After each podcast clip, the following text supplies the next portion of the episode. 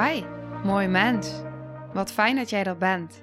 Mijn naam is Sandy en ik geloof in een wereld waarin iedereen zijn liefdevolle zelf mag zijn.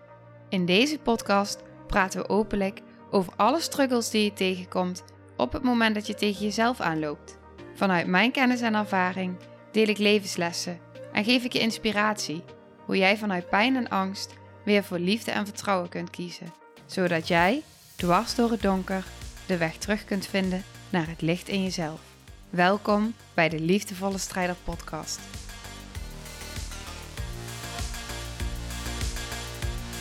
Hey, hallo. Wat fijn dat jij weer luistert. En in deze aflevering wil ik een berichtje met je bespreken wat ik uh, binnenkreeg via Insta, via DM. En toen ik dat berichtje las, toen dacht ik: oké, en ik wil hier dieper op ingaan dan dat ik zo via Insta kan. Dus ik zou er heel graag iets in mijn podcast over willen delen. En ik denk ook oprecht dat hier veel mensen iets aan kunnen hebben. En ik ga het berichtje voorlezen en aan de hand daarvan ga ik uh, mijn reactie geven. Dus ja, ik zou zeggen, ga lekker relax zitten en uh, laat je vooral inspireren. Oké, zij stuurt. En ik ga het per stukjes voorlezen, want het is best wel een lang berichtje. Dus ik ga het ook per stukjes doen, zodat ik ook per stukje kan reageren. Hi Sandy. Mag ik even zeggen wat een geweldig werk jij doet? Ik ben sinds een paar weken begonnen met het luisteren van podcasts, waaronder die van jou over manifestatie en dergelijke. Ze zijn echt een eye-opener voor me. Waar ik aan mezelf merk, is dat ik ook moeite heb met het proces wanneer er dingen zijn waar ik geen macht over heb. Sinds anderhalf jaar ben ik uit elkaar met de vader van mijn kinderen. Hij ging altijd mee met wat ik deed en wilde en liet de kinderen vooral aan mij over. Nu hij met zijn nieuwe vriendin is, probeert hij macht over mij uit te oefenen door veel te willen bepalen wat er met de kinderen gebeurt. Bijvoorbeeld vakantie niet goedkeuren met mij en mijn zoontje, contactmomenten tussen mij en de kinderen in de weg staan. Wanneer hij de kinderen heeft, lange apps met verwijten en respectloos gevingerwijs mij omlaag praten in wat, wie, hoe ik ben. Ik ben enorm close met mijn kinderen en ze zijn pas 5 en 3, dus ze missen mij ook snel. En dit zal zijn ego krenken. Nou, ik wil eerst beginnen met dit stuk. Er zit nog een stuk achteraan, maar ik wil hiermee beginnen. En wat ik hierin ook tegen je wil zeggen is: luister ook hierin open-minded. Want dit heeft natuurlijk betrekking op alle gebieden waarin jij wel eens het gevoel hebt dat je machteloos bent. Of dat iemand anders bepaald gedrag vertoont. Iemand die je dierbaar is. Of iemand waar je bepaalde, misschien wel een familielid waar je dus aan vast zit. Om het maar even zo cru te zeggen. Dus op het moment dat jij voelt van ja, ik voel wel eens dat machteloze gevoel in relaties met anderen. Ehm, dan denk ik dat je hier veel waarde uit kan halen. En dat is dus ook waarom ik hem deel. Want ehm, uiteindelijk is dit natuurlijk mega frustrerend. En ik kan me echt ontzettend goed voorstellen hoe diep dit raakt. Vooral nu ik zelf ook een zoontje heb. Maar überhaupt gewoon hoe diep het raakt op het moment dat iemand anders op een bepaalde manier met je omgaat, die respectloos is. Ehm, ja, waar je geen invloed op hebt eigenlijk. En waar je je machteloos over voelt. Ik snap dus ook dat machteloze gevoel. Maar uiteindelijk heb je totaal geen invloed op zijn gedrag. Je hebt geen invloed op het gedrag van de ander. Waar je wel invloed op hebt, is op jouw gedrag is op hoe jij ervoor kiest om ergens naar te kijken. Hoe jij ervoor kiest om ermee om te gaan. En wat ik geloof daarin, is wat heel erg belangrijk is, is dat je jezelf goede vragen gaat stellen. Op zo'n moment dat je ontzettend getriggerd wordt, dat je je zo machteloos voelt, dat je geneigd bent om misschien vanuit pijn te reageren. En ik geloof altijd dat die ander ook vanuit pijn reageert. Ik kijk altijd op zo'n manier naar situaties, naar mensen. Heb ik altijd al gedaan. Als iemand mij triggerde of raakte, dan dacht ik altijd, dan probeerde ik verder te kijken dan het gedrag van die persoon. Van oké, wat zit daarachter? Want vaak reageer je allebei vanuit pijn. En nu zitten, zijn er ook nog eens kinderen in betrokken. Wat daarin dus heel belangrijk is, is dat kinderen supergevoelig zijn en alles in de energie voelen. En overal bewust van zijn in de energie. En wat ik denk dat daarin dan dus heel erg belangrijk is op zo'n moment, is dus om jezelf hele goede vragen te stellen. En wat zijn dan die hele goede vragen? Als eerste, reageer ik nu vanuit angst of vanuit liefde? Om daarmee te beginnen. Is dit hoe ik wil reageren? Ik denk dat het allerbelangrijkste is, is bij jezelf blijven. Dus steeds weer bij jezelf zijn en heel erg bewust zijn van wat er op dat moment in jou gebeurt. Wat raakt mij nu zo? Want op het moment dat je jezelf die vraag al kan stellen, dan, dan treedt er en bewustwording op, maar ook al heling. Want op het moment dat jij weet wat je raakt, stel je voelt dat je ontzettend boos wordt, nou oké, voel je, is er een moment dat jij even die boosheid kan doorvoelen, dat even die emotie er kan zijn zodat hij ook weer, dat je die kan toestaan, zodat hij ook weer door je heen kan stromen. Zodat je hem ook weer kan loslaten. Loslaten is gewoon het toelaten van. Nog belangrijke vraag is: wat heb ik nu nodig om er voor mezelf en mijn kinderen te zijn? Tuurlijk raakt dit enorm. En voelt het machteloos. Dus wat heb je dan nu nodig om er voor jezelf en je kinderen te zijn? En een nog belangrijkere vraag vind ik: hoe zou ik willen? Dus hoe zou jij willen? Dus stel jezelf de vraag, ik ga hem zo stellen: hoe zou ik willen als ik nu een kind was en mijn moeder nu zou reageren op deze situatie? Wat zou voor mij fijn zijn?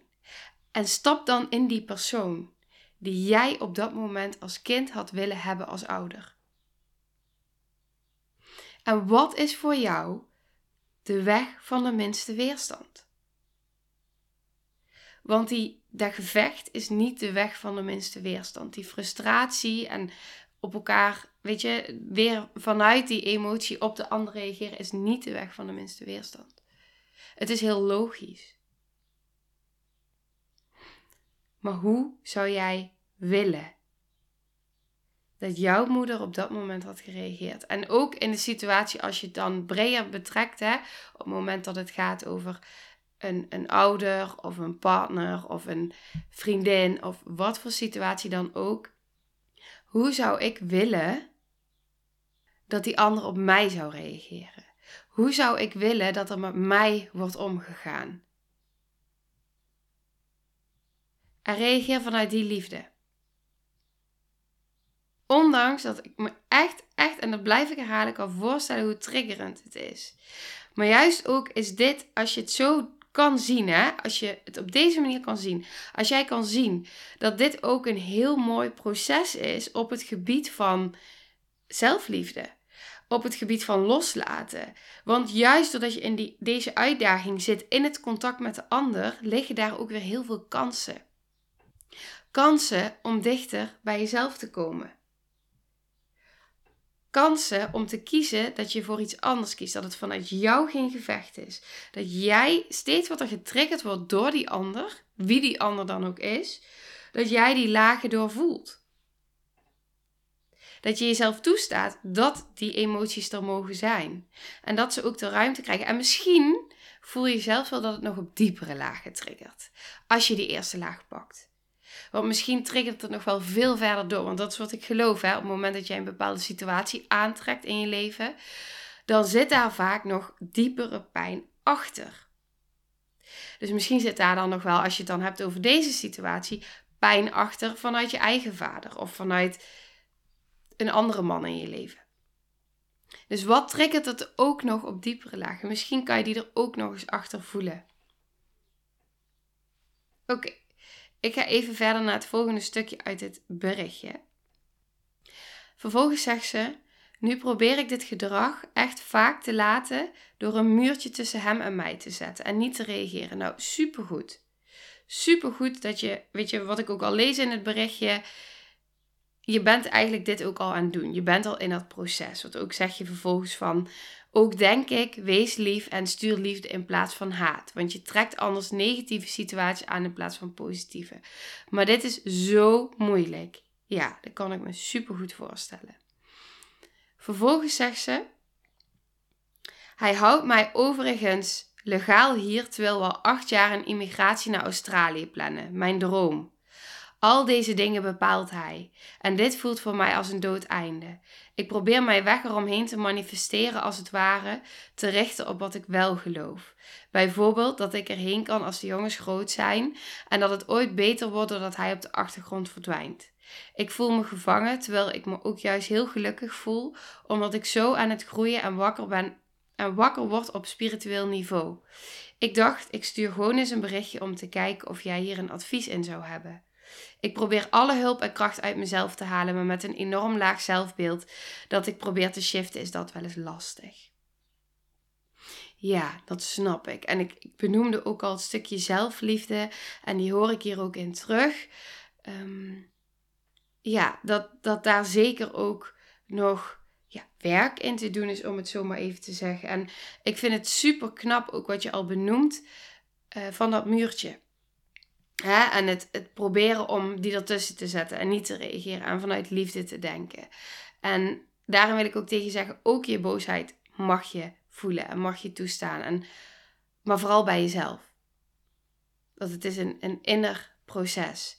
En als je het dan hebt over dat doodeinde en gevangen voelen, dan wil ik daar ook echt in zeggen. En misschien herkennen anderen zich hier ook in. Op het moment dat jij in zo'n machteloze situatie zit, dat je je gevangen voelt. Dat je voelt alsof het inderdaad helemaal, ja, alsof je helemaal vastloopt. Blijf dan op dat moment vooral, ook al zijn het maar kleine stapjes. Hè? Kijk, als jij bijvoorbeeld ehm, wil geloven dat jij uh, van nu op het andere moment ineens naar Australië kan, hè, in deze situatie, dan is die stap te groot. Maar probeer dan in kleine stapjes steeds iets groter te gaan geloven en te verwachten. Maar begin met een klein stukje wat je op dat moment kan geloven. Want op het moment dat jij dus gaat focussen op jezelf, focussen op dat wat jij wil vanuit het geloof en het vertrouwen dat het echt kan, dan blijf je eigenlijk daar ook je innerwerk op doen. En dan kan het langzaam, kunnen die kleine stapjes, dat kleine geloof wat je misschien op dat moment kan geloven, kan steeds iets groter worden. En daarin is het dan belangrijk dat je ook werkt aan het vertrouwen. Het vertrouwen dat alles op het juiste moment in je leven komt. En dat het universum je echt daar naartoe zal leiden als dat je pad is. En echt het vertrouwen, dat werkt bij mij heel erg. En uh, als ik dan dus advies mag geven vanuit mezelf. Um, en dat is dus ook wat ik op deze manier doe. Hè. Dit is puur mijn waarheid. Dit is puur wat ik geloof. En voel daarin ook echt voor jezelf van... Oké, dit is wat ik ook kan geloven. Dit is wat ik nog niet kan geloven. Dit past wel bij mij. Dit resoneert niet met mij. Allemaal oké. Voel vooral bij jezelf wat met jou resoneert. Want wat mijn waarheid is, hoeft niet jouw waarheid te zijn. Maar ik merk sinds ik ben gaan vertrouwen op het universum, sinds ik ben gaan vertrouwen dat er iets groters is dan ik, iets groters dat mij leidt en dat alles op het juiste moment, op de juiste tijd in mijn leven komt, geeft dat zoveel rust, zoveel vertrouwen en zoveel kracht ook in mezelf. Want daar voelt het alsof mijn invloed ligt. Daar, daar ligt je invloed en je kracht. Door de focus te hebben op jou. En in dit geval ook op je kinderen, op je gezin, op dat waar wel jouw invloed ligt. En die ligt echt in hoe jij tegen dingen aankijkt, waar jij op durft te vertrouwen, waar jij in kan geloven. En dat maakt de wereld van verschil. Dus die combinatie tussen het werken aan hè, de heling, dus het doorvoelen, uh, de zelfliefde, de focus op, op ja, en de bewustwording op je gedachten en je gevoelens. Het vertrouwen, dus het innerwerk. Het gaat echt over het innerwerk. En vervolgens ook jezelf die vragen stellen. Deze hele aflevering, alle tips die ik geef, misschien valt het je ook wel op. Het gaat puur over jou en niet over de ander. Want dat is waar je kracht ligt, dat is waar je invloed ligt. Bij jou. En die ligt niet bij de ander. Je hebt geen invloed op die ander, maar wel op jezelf. En op het moment dat er iets in jou verandert, energetisch, dat jij bepaalde shifts maakt, dat jij andere dingen kan gaan verwachten, andere dingen kan gaan geloven, dan zul je zien dat je realiteit daaromheen verandert. En ik heb ook weinig geduld af en toe. Ligt er wel aan op welk gebied. Uh, als ik het heb over mijn kind, dan heb ik heel veel geduld, merk ik. Um, heb ik ook altijd met anderen. En ja, op heel veel gebieden heb ik heel veel geduld. Maar op sommige gebieden heb ik ook minder geduld. Is denk ook menselijk. Misschien herken je daar ook wel in. Dit vergt, nou ja, soms wel geduld, soms niet. um, want soms is er maar iets nodig om die shift te maken. En op het moment dat jij echt die shift gevoelsmatig, energetisch kan maken, dan kan het er direct zijn. Maar vaak is het een proces en is er dus wat meer geduld voor nodig. Vaak is het gewoon het proces aangaan. En juist dat proces is zo ontzettend belangrijk. Vaak willen wij het liefst dat op het moment dat we iets willen, of dat we iets willen veranderen, of dat we bijvoorbeeld meer zelfliefde willen, dat het direct verandert en direct gebeurt. Maar als ik terugkijk naar alles in mijn leven, dan is juist het proces is de weg. En had ik het niet zonder het proces willen ervaren. Want juist die hele weg daar naartoe en dan die verandering gaan voelen, die verandering gaan zien en creëren, ja, dat geeft echt nog zoveel meer kracht. En zoveel meer het vertrouwen ook. Dat je denkt, holy shit, kijk eens wat er allemaal mogelijk is. En dat kan jij, dat heb je in je. Ik geloof oprecht dat wij oneindige creators zijn en dat we dat allemaal in ons hebben. Dus dat heb je in je. En dat is waar je op mag focussen. En op het moment dat jij je daarop focust, op die stappen die ik net heb benoemd, dan is dat ook wat je kinderen voelen in jouw energie. Die voelen, ja, mijn emoties mogen er zijn. Ja, ik voel dat ik getriggerd ben, dus ik geef mezelf die ruimte om het even te doorvoelen. Ze voelen dat jij uh, voor liefde kiest. Ze voelen dat jij, ja, dat, dat je in die verbinding bent met jezelf en met hun. En dat je vanuit daaruit handelt. En dat neemt niet weg dat die onmacht er nog zal zijn. En dat die machteloosheid er zal zijn. En dat die angst er zal zijn. En dat het het ene moment beter gaat dan het andere moment. Maar ook dat, juist die, dat contrast ervaren. Het contrast in alles wat we in het leven mogen ervaren. Tussen, hè, tussen licht en donker, tussen niet leuk, wel leuk dat is ook zo wat bij het leven hoort. Want vanuit dat contrast groei je. Vanuit dat contrast heel je. En vanuit dat contrast kun je kiezen voor iets anders. En op het moment dat je voelt dat je, dat je een oordeel hebt over die ander, probeer dan ook uit dat verhaal te stappen. Want ook daarin, we weten nooit wat er leeft in de ander. En hoe erg een ander ons ook triggert op het moment dat die trigger zo heftig is, dan is dat ook weer een signaal voor jezelf van oké, wat heb ik hierin nog voor mezelf te doen? En juist ook op het gebied van je kinderen zijn die triggers natuurlijk gigantisch. Ehm, maar probeer dat ook te zien als iets, ja, misschien klinkt het nu wel dat je denkt, ja, hallo, als iets moois.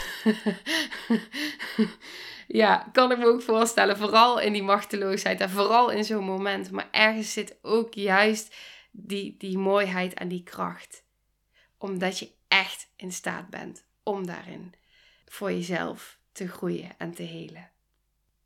En vertrouw er dan ook op, jij kan dit. In welke situatie je dan ook zit, jij kan dit. Die situatie komt niet voor niets op je pad. Ik geloof oprecht. En als je die kan aannemen als je waarheid, je krijgt wat je aan kan. En ook al is dat misschien heel veel, dan heb je blijkbaar die kracht. Dus ben maar heel erg trots op jezelf. Ben maar heel erg trots op wie jij bent, want je kan dit blijkbaar aan. En die hoop ik dat je echt voelt. Je kan dit aan. Hoeveel het ook is, je krijgt wat je aan kan. Voel dat vertrouwen. Voel maar dat je trots mag zijn op jezelf, dat je hartstikke sterk bent. En het feit, ook naar deze dame die dit berichtje naar mij stuurt, maar ook naar jou in wat voor situatie je dan ook zit.